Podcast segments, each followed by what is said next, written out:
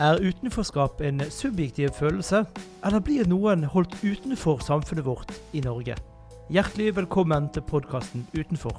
Her møter du mennesker som føler seg utenfor fordi de har tatt noen valg som ikke storsamfunnet aksepterer. Her møter du også mennesker som har valgt å stå utenfor, rett og slett fordi de ikke ønsker å være en del av storsamfunnet. Du får høre historien deres om hvorfor de havnet utenfor, og ikke minst hvordan de kom seg tilbake igjen. Mitt navn er Thomas Anton Jensen. Jeg har 13 års erfaring som journalist i gatemagasinet Megafon. Jeg har møtt veldig mange av de som står utenfor. I denne episoden møter du en mann som egentlig ikke skulle havne utenfor. Han kom fra et godt religiøst miljø som liten, hadde god jobb, var gift, hadde kone og skulle få barn. Men så tok han et valg. Et ulykksalig valg som førte han utenfor. Dette er mitt møte med Morten Sommerbakk. Yes, Morten. Velkommen. Kjekt å se deg tidlig på morgenen. Jo, tusen takk for at jeg ble invitert. Det er Jo. koselig å være her. Kjekt du kom. Det er litt gøy å dra med ADHD-folk tidlig på morgenen. Her, Ja. her er, vi er nå på, på Mediecity, eh, eller Medielandsbyen som jeg kaller den for. Så vi på en måte plasserer litt. Vanligvis er jeg ute, men i dag vil du komme hit, og da får du komme hit og se hvor, hvor jeg holder til. Ja, dette var et fantastisk koselig kontor. Ja, så det har jo um, utsikt mot uh, Ulrikens topp, der uh, sorgene forgikk oss. ja. Men, eh, men du er jo her for å snakke om utenforskap, og, og jeg har jo kjent deg Jeg tror jeg har kjent deg lenger enn du egentlig vet at du har kjent meg. Mm. For mye av ditt liv var jo ikke akkurat eh, sånn som i dag. Du har jo vært ute og sykle, for å si det, på mye rart. Så, så jeg har jo visst hvem du var lenge, men jeg tror ikke du fikk med deg hvem jeg var, han lille rare fyren som aldri gjorde noe dumt. Nei, jeg surret vel mest rundt i min egen verden, jeg, og så ikke lenger enn nesetippen egentlig, så det er masse jeg ikke husker fra den tiden, ja. Ja, For du sa jo før vi begynte at eh, det er vel knapt et rusmiddel du ikke har prøvd. Jeg har vel prøvd alle, ja. Det har jeg. Med mindre det er laget de tre siste årene, så har du vært oppå det meste. Da har jeg prøvd det meste av rusmidler, ja. Så egentlig alt fra bare begynne på A og jobbe seg nedover, har du vært innom. Det har jeg nok, ja. Men grunnen til at du er her, det var det er en tekstlinje i en låt du skrev, eh, og det var kjempeinteressant. Der sier du eh, 'Veien tilbake går over broene du har brent'. Hvis jeg husker det riktig. Ja, det stemmer. Og det er jo en utrolig fin tittel, for du er jo musiker også. og Det er en utrolig fascinerende måte å se det på. At du skal faktisk tilbake igjen til innenforskapet over de broene du brente på vei i utenforskapet. Mhm.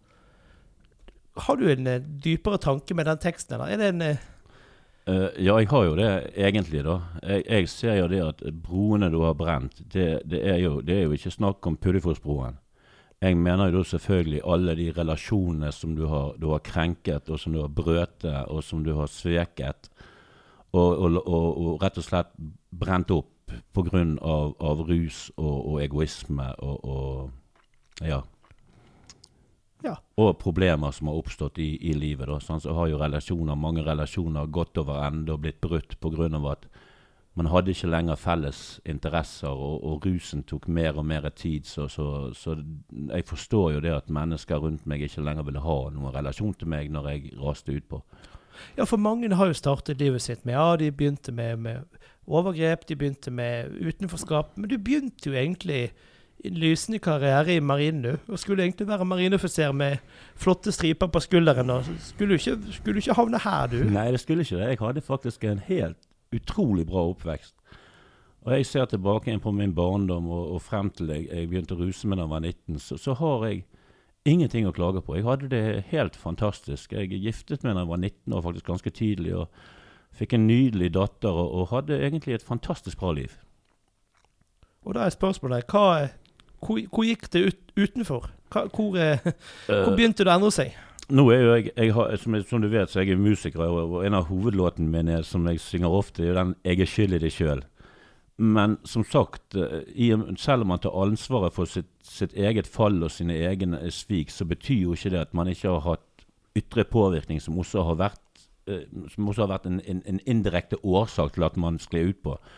Og min var den at når jeg vervet meg i marinen som, som 19-åring, så eh, kom sjefen min, da, som hadde ganske mange striper på, på skulderen, bort til meg etter noen måneder og kalte meg inn på kontoret. Og når jeg kom inn der, så tok han frem en joint, og så sa han det at 'Jeg ser på deg at du er en hasjrøyker. Jeg tar en sjanse nå', sa han. Men, men jeg ser på deg at du er en som røyker hasj, så jeg tenkte vi skulle røyke den jointen her sammen. Og eh, jeg friket ut.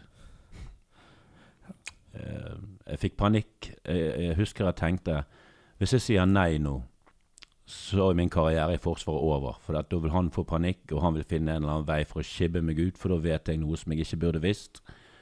Så jeg reagerte uh, dessverre helt feil og takket ja. Det jeg skulle gjort i ettertid, det var jo det at uh, uansett om andre kan kalle det blåsing, det var jo rapportert inn så jeg kunne beholdt dette her. Og, og, at dette ikke skulle skje mot andre igjen utenom meg sjøl, Men det tenkte jeg ikke på da, så, så jeg takket ja. Du tok et skritt utenfor? Det gjorde jeg. Men han, han ville jo invitere deg inn i sitt innaforskap. Sånn at han savnet jo kanskje også noen å være med, og noen å på en måte dele sin lidenskap for, for joints, da? Ja, altså for å si det sånn, når jeg ble mer kjent med han, så skjønte jeg jo det at, at, jobben det var vel det eneste han hadde som var innafor, da. Og han hadde vel gått og båret masker i utrolig mange år, for han, han, var, uh, han var ikke den samme personen på fritiden som han var på jobben. Er han i marinen i dag, eller er han eh, pensjonert? Eh, nei, i dag så Jeg tror han fikk sparken etter hvert. For jeg tror jeg har hørt hvert fall snakk fra andre om at han ble tatt til slutt da, og okay. mistet jobben. Så eh, men var det flere yngre offiserer som havnet i samme situasjon som deg da? Vet du noe om det? Uh, jeg, vet at, uh, jeg, vet at, mange har fortalt meg at de begynte å røyke faktisk i militæret for første gangen så at det er utbredt i Forsvaret jeg vet ikke, Nå vet jo ikke jeg i dag, nå er jo dette her 30 år siden. Men den gangen så var det dessverre veldig utbredt. Men jeg har, jeg har hørt mange historier der man sier at man, man tok første trekket av en joint ene dagen, og to uker senere så sitter man eh, nede i Nygårdsparken med en sprøyte i rumpen og er blitt sprøytenarkoman. Men jeg har sagt at nei, det er ikke tull, det, det er mange årsaker til det. Men, men for deg stemte jo det kanskje, da? Det gjorde faktisk det, og ikke så, ikke så langt borte heller. For fra jeg eh, da begynte å røyke med han, til jeg ble tatt i en urinprøve i Forsvaret, så gikk det ikke så veldig veldig lange tiden. Det gikk noen år, da. Og uh, da ble jeg tatt i, da jobbet jeg på Kystvakten i Nord-Norge. Og da ble jeg tatt på en urinprøve sammen med noen andre, for de hadde mistanke om at det var røyking om bord. Og da mistet jeg jobben.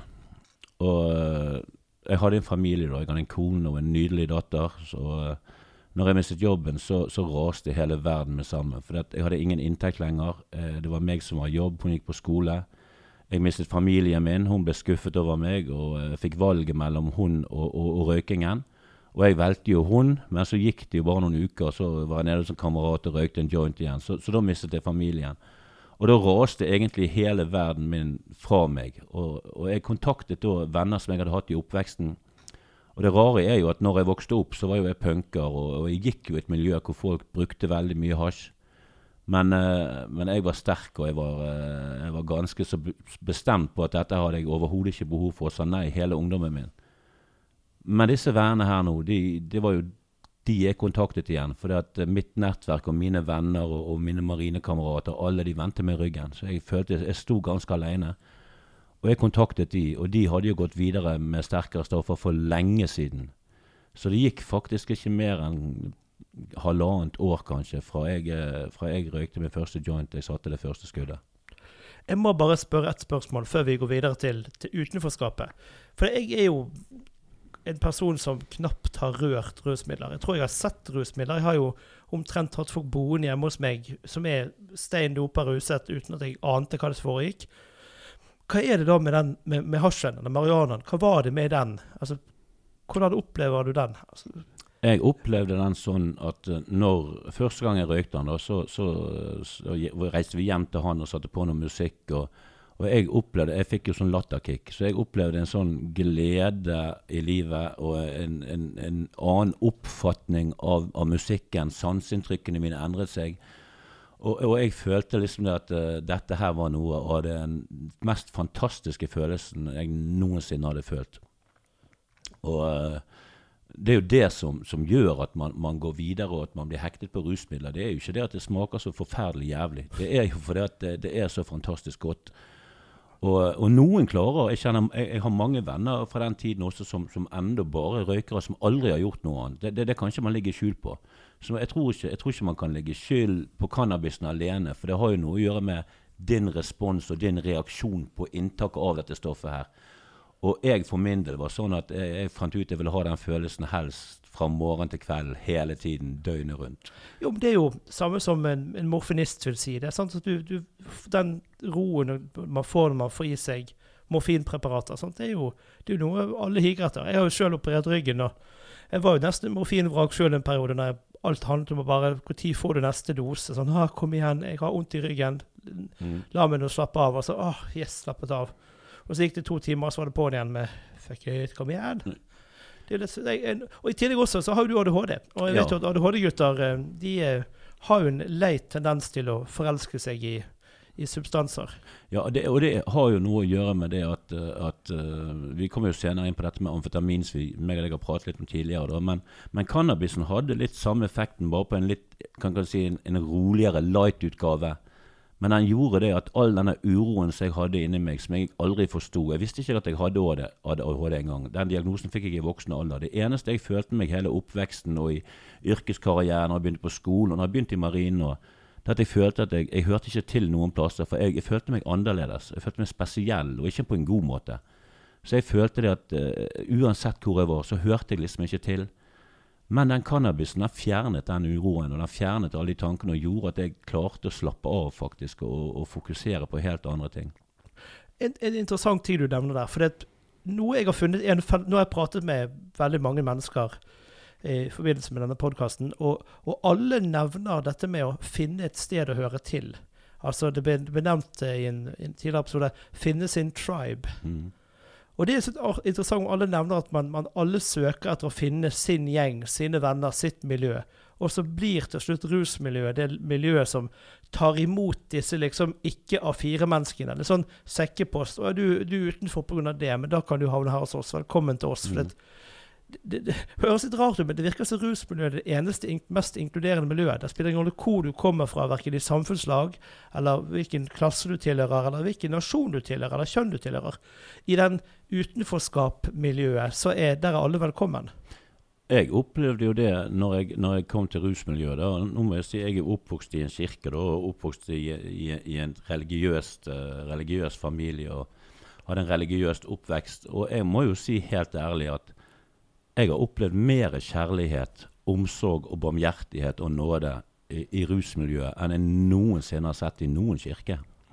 Ja, det er jo en ganske knallhard påstand, men jeg, jeg er villig til å være med på det. For jeg også må innrømme at jeg har eh, det er mindre fordømmelse. og det er liksom, ja, I, i rusmiljøet, Nå skal ikke vi forherlige rusmiljøet, ikke, for guds skyld ikke det. Nei, nei. Eh, Men, men, men det er jo litt morsomt å se. Der kan man gjerne være, enten man er fra, fra Afrika, eller man er fra Arna, om man er homofil eller lesbisk, eller altså, så, så finner man altså Utenforskap-gjengen finner mer hverandre, da. Mm. Selv om det selvfølgelig også finnes veldig mye veldig mye problemer internt i, i rusmiljøet også, selvfølgelig. Det gjør det, men sånn, de, fleste, de fleste problemene og voldsepisoder og sånne ting i, i rusmiljøet, det skylder jo det at de aller fleste har veldig lite penger og opparbeider seg gjeld. Og du vet, det, det er jo utrolig trist, men det er jo sånn at hvis, hvis jeg skylder min pusher 1000 kroner, så skylder kanskje han han over der igjen, de pengene. Og han skylder han over der igjen. Og så går det i en sånn kjede oppover.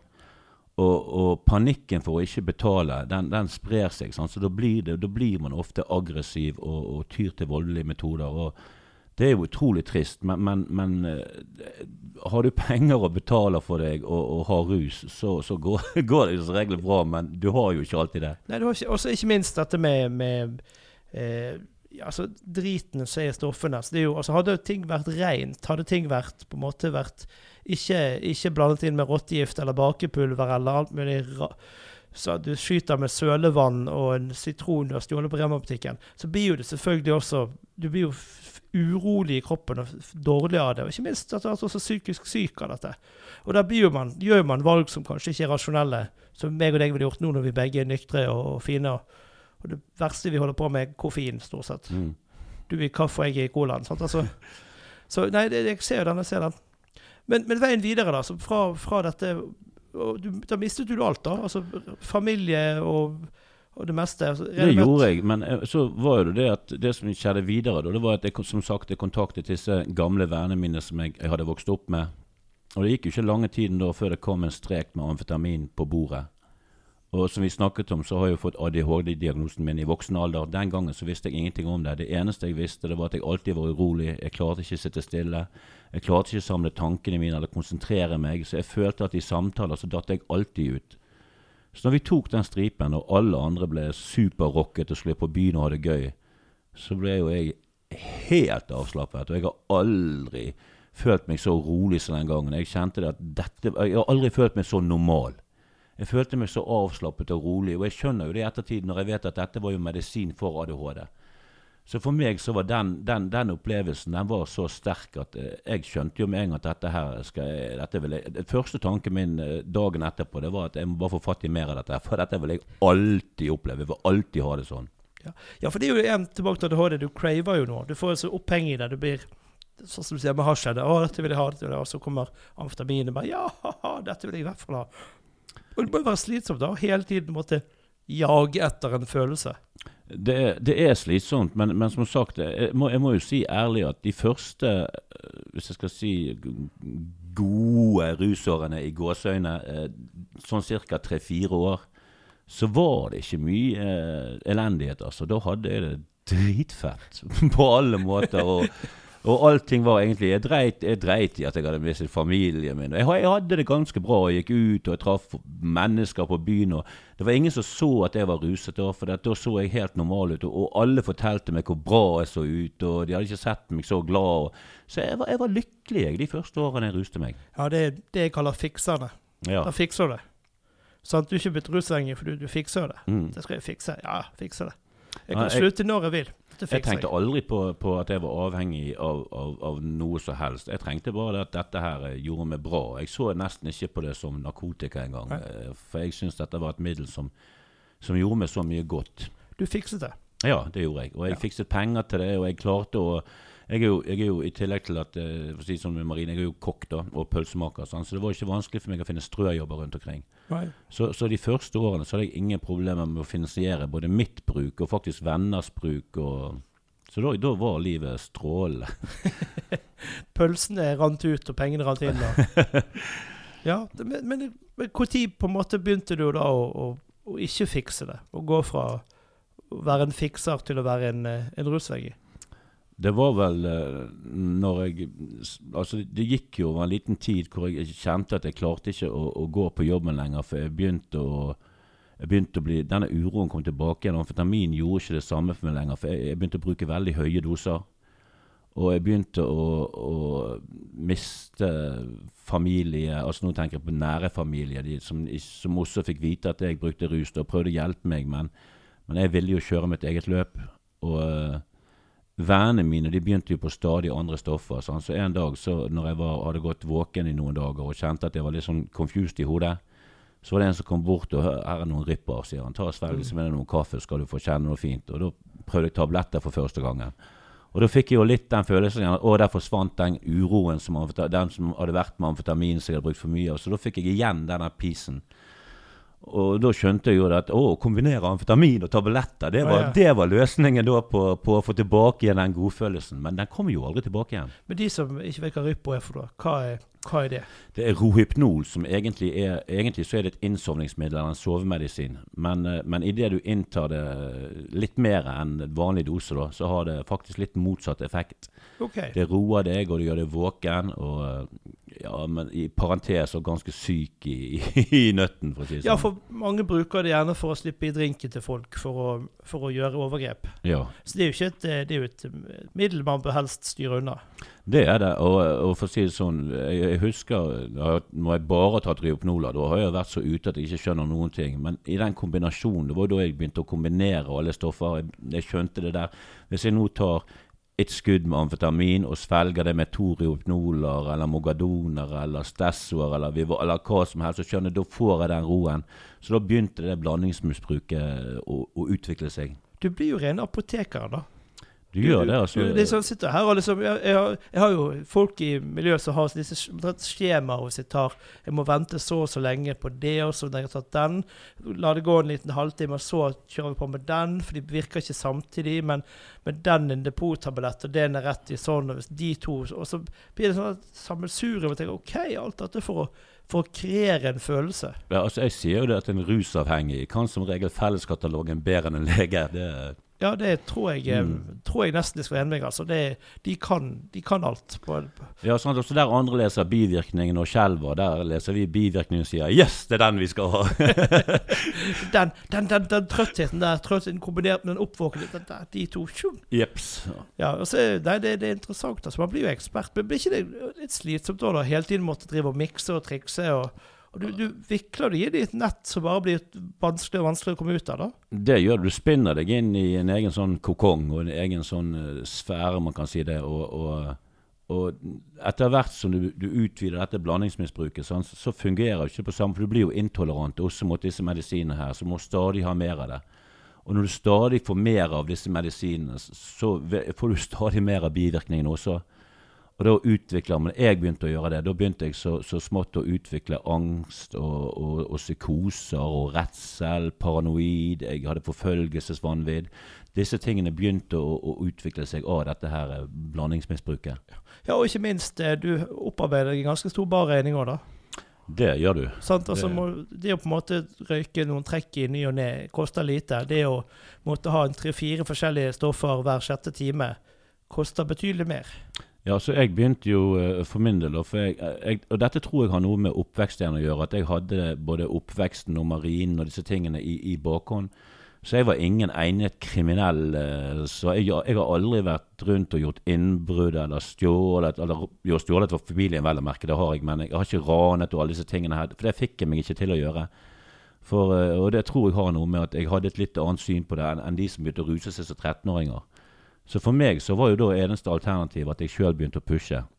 Og når jeg begynte å selge narkotika, da økte jo tilgangen min til å kunne bruke det sjøl. Da hadde jeg plutselig råd. Ok, jeg selger halvparten, så bruker jeg halvparten. Og Jo mer jeg solgte, jo mer kunne jeg bruke. Og jo mer jeg brukte, eh, jo mer gikk jeg inn i disse psykosene. Helt til Også det gikk jo til helvete. For til slutt så brukte jo man Man begynte jo med 50-50. Og så bruker jeg sånn at jeg tar 60 til meg sjøl og selger 40, og prøver å selge litt dyrere. Og her kommer det også inn, som du snakket om i sted, at man blander inn urene ting i det. Yep. Sånn, så begynner man å kjøpe koffeinpulver og en del sånne ting, og knuse noen koffeintabletter som har blandet i dette her fordi at man gikk på underskudd.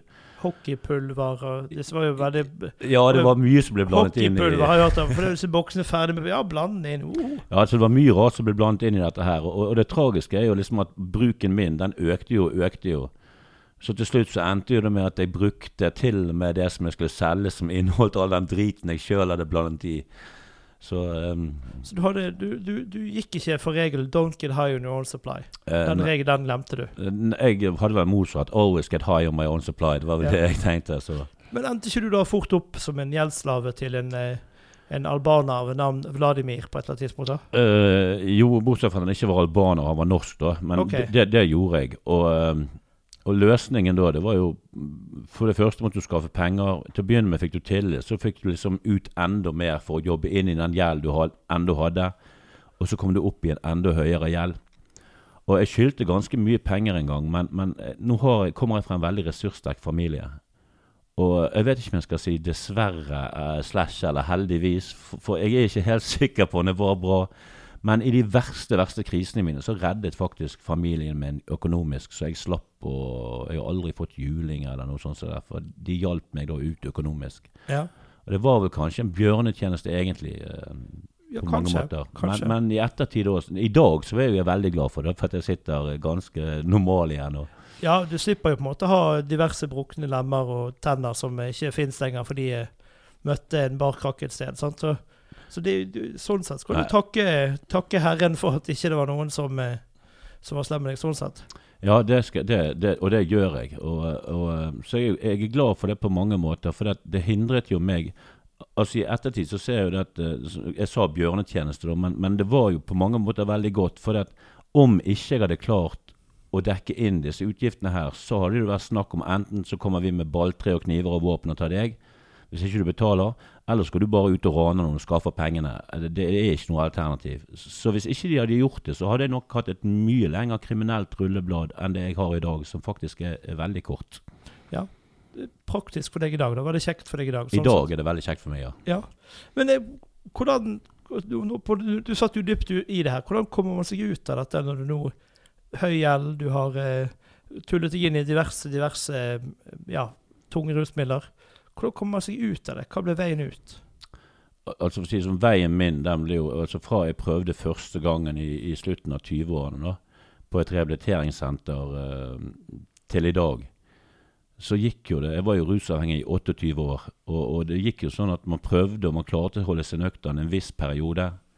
Og begynte å få tingene på stell igjen. Men så går det, så kommer den gamle uroen igjen. Og så var det da at da hadde man allerede vært ute i det livet der, sånn, så det var veldig vanskelig å få, få aksept hos, hos, mine gamle venner og, og, alle som var rundt meg da. Så når jeg kom ut fra, fra, fra rehabiliteringssenteret, så hadde jeg ingenting lenger. Og, og ble sittende alene. Og, og, og, alene det, Jeg fant ut at alene det var verre enn rus. Så, ja, for utenforskapet er jo det aller verste. Mm. Det, er kjip, det er jo det, kjipeste. Ja, altså for å si det sånn, Isolat er jo regnet som tortur i forhold ifølge Genévekonvensjonen. Og, og, og, selvisolering Det er jo ikke noe bedre å være isolert selv om man velger det sjøl. Og det var jo det man ble. Man ble isolert, selv om man hadde familien som var kjempefornøyd. Jeg husker, jeg husker en gang jeg, jeg, satt nede på Da hadde jeg flyttet hjem til min mor og de for å holde meg rusfri, og hun var jo kjempeglad. Og Da husker jeg min mor hun satt og snakket med en venninne på telefon. Og så, så, hørte jeg henne si Å ja, men Morten, det går kjempebra. Hun er østlending, da. Ja, ja. Han har aldri hatt det så bra som nå. Han er helt rysfri, og det går strålende. Og jeg satt der og tenkte meg sjøl faen heller, jeg har aldri hatt det så jævlig som jeg har det nå. Men i deres øyne så hadde jeg det fantastisk for jeg var rusfri.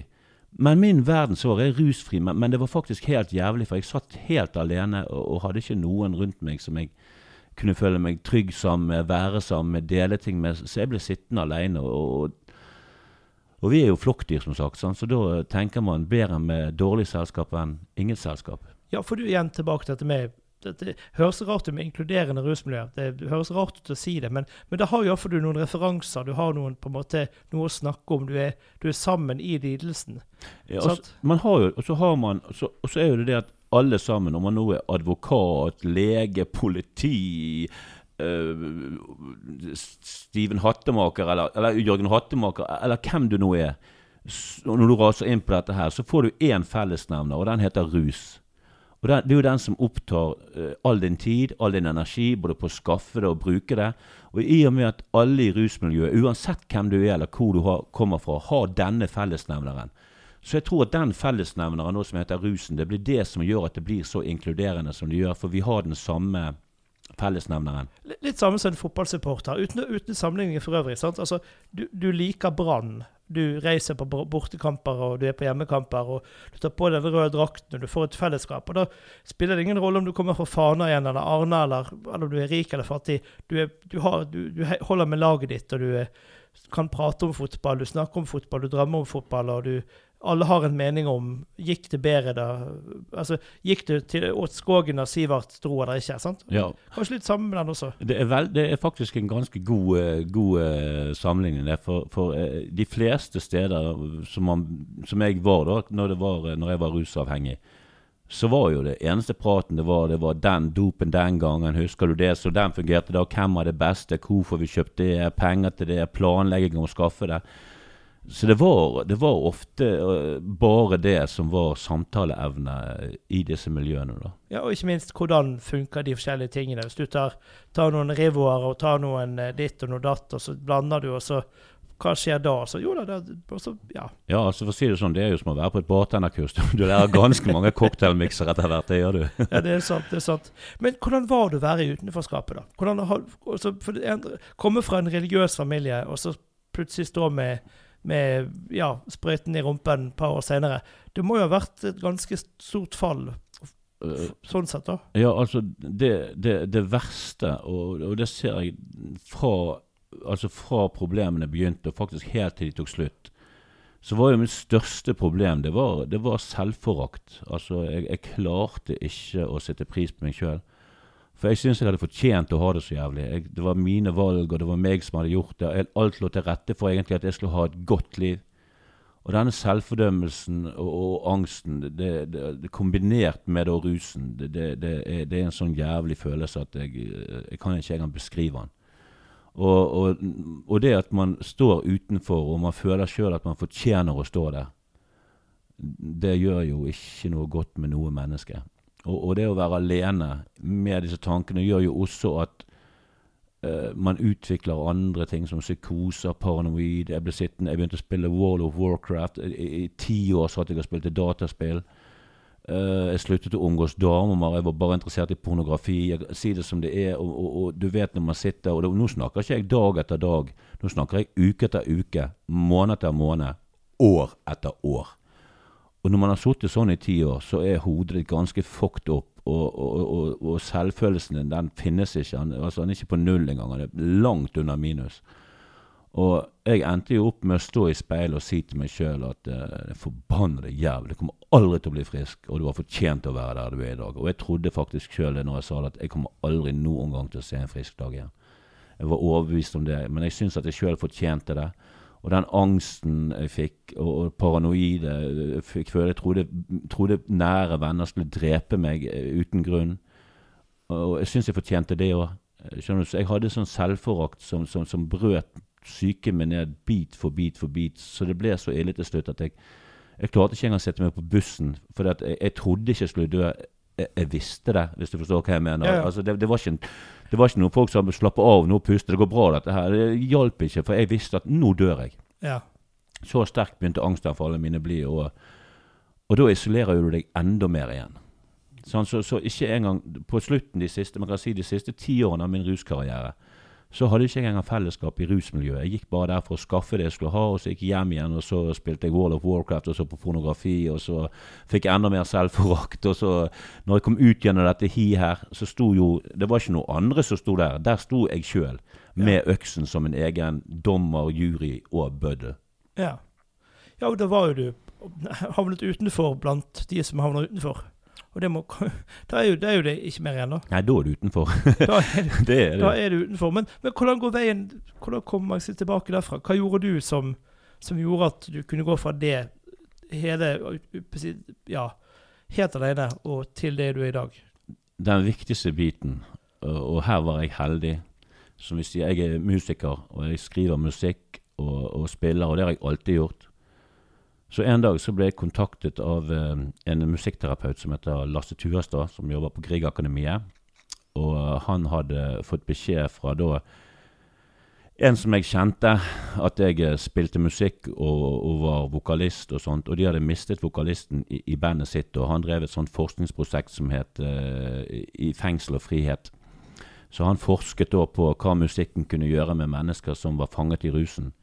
Og så spurte de meg om jeg ville være vikar på en konsert for de, for de fikk ikke fatt i vokalisten sin. Det viste jo seg senere at han hadde rykket inn og hadde, fikk en lang dom.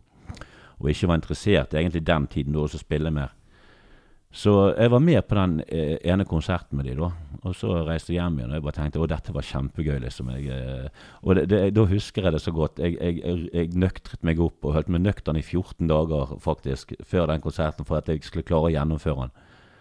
Og etter det så ringte han tilbake meg og så spurte han om jeg hadde lyst til å komme inn i dette prosjektet og dette bandet eh, for fullt. da. Og eh, det var jo da vi startet Gatens evangelium. da. Og, og, og, så, så, hvordan kom jeg Hvis jeg skal samle det i ett ord, så må jeg bare si musikkterapi. Og for meg så var det det var, ikke, det var, ikke, bare musikken. det var det at Plutselig så mestret jeg noe. Etter den konserten så kom folk bort til meg og bare klar, å, for noen tekster. Fantastisk bra. Jeg fikk så mye skryt. skjønner du. Og jeg hadde fått så mye drit i alle år, så den skryten for meg Det, det var jo som et skudd med heroin. skjønner du. Altså, åh, jeg, jeg, det, var, det, var som, det var nesten som en unnskyld uttrykk, en orgasme. skjønner du. Ja, ja. Det var så fantastisk følelse å få alt dette her. Så når de ringte og spurte om jeg ville være med fast, så ble jeg jo bare kjempelykkelig. Og, og dette begynte jo å balle på seg. Det ble mer og mer konserter. Vi begynte å ha faste øvinger en gang i uken. Og, og det eneste avtalen vi hadde, det var at på øvingene så ligger vi alle problemene utenfor. For dette rommet her, det er, det, vi kalte det for the freedom room. Som betyr frihetsrommet. Her skal vi være fri. Hvis du har noe du sliter med, problemer og sånt, ja, det er, ikke, det er ikke problemet. Vi kan ta det opp og prate om det, men ikke her inne. Nei. Så der Det blir en sånn space der man kan Der kan man bare Her er vi alle sammen. ja, det var et fritt og trygt rom å være. Og så hadde, jo, så hadde vi da han Lasse Tuestad, som var, eh, som var, eh, var musikkterapeut.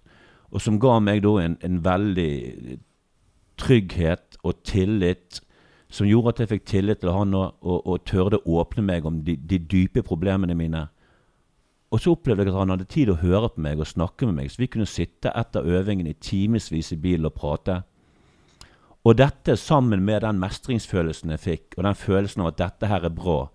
Plutselig så begynte jeg å holde foredrag om rus, selv om jeg ikke var rusfri sjøl. For jeg tenkte med meg sjøl ok, det er jo ikke usant selv om jeg bruker det sjøl ennå. Og? Og, og, og jeg reiste rundt og holdt foredrag, og jeg fikk høre fra enkelte at en jævla hykler og greier. Du går rundt og snakker om rus og sånn, så, så bruker du sjøl. Men som sagt, jeg tenkte det at det har ingenting å si. For det, det, det, det endrer ikke den sannheten om at dette er min historie. Dette er mitt liv. Dette er det rusen gjorde med meg. Og jo mer jeg gjorde av det, jo mer kan jeg si gåseøyne skammet jeg meg for å være ruset. Så, så, men jeg hadde sprekker hele tiden. Og hver, men nå, nå var det sånn at det begynte å gå en uke, to og tre uker mellom hver gang jeg brukte det. Og sprekkene mine det ble som en hammerslag i trynet som slo meg ned psykisk og alt i ukevis av skam. Og der var bandet, og, og, og spesielt og Lasse Tuestad, en fantastisk hjelp for meg. Og det ble sjeldnere og sjeldnere, helt til en dag, eh, 4. november faktisk, for tre år siden. Det ble det siste skuddet mitt. Ja. Og da hadde jeg også den verste psykosen i mitt liv. Og det var da jeg, som jeg fortalte deg når jeg sto foran speilet og sa du kommer aldri til å bli frisk. Du kommer aldri til å klare dette. Det er bare til å gi opp. Og jeg ga opp. Og det er tidlig at etter det så tok jeg aldri mer eh, skudd. Du ga opp, men du ga ikke opp, du ga ikke opp deg sjøl, men du ga opp rusen. Ja, altså, til speilet sa jeg jo at jeg ga opp meg sjøl. Ja. Men det merkelige er at i, i ettertiden så ble det faktisk Den dagen jeg sa til meg sjøl at du kommer aldri til å bli frisk, du kommer aldri til å klare å slutte med stoff, så bare slutt å prøve. Det ble den siste dagen min. ja. Kanskje det var noe i, i deg som sa vet du hva, nei, jeg skal vi- bevise det. Ja. Og derfra så, så gikk det bare Nå har det gått tre år frem til i dag, og dagene blir jo bare bedre og bedre, og livet blir bare herligere og herligere. Man får opp relasjoner. Jeg har fått diagnosen ADHD som forklarte meg hvorfor jeg har hatt det sånn som jeg alltid har hatt det. Som gjør at jeg kan leve med det, og jeg har sagt nei takk til medisiner. For medisinen for dette er jo amfetamin, som da kunne ført meg rett utpå igjen. Så jeg har falt ut at jeg, jeg bruker den energien til noe positivt, til noe godt. Og så får jeg heller være propell, og hvis folk syns jeg blir slitsom, så sier jeg, da, da må de bare si det til meg. Det sier jeg til de òg. For jeg blir av og til jævla lei av å høre på mitt eget tyt. Og når jeg blir lei av å høre på meg sjøl, da forstår jeg jo at andre kan bli det iblant. Så det, det takler jeg bra nå. Jeg syns det bør være en fin avslutning. Rett og slett. 40 minutter med tyt med Morten og Thomas. Det er jo en eh, artig tytepodkast. Det var helt fantastisk å være her. Det var veldig godt å få, få, få prate med deg, Thomas. Takk for det, Morten. Da har vi kommet til veis ende.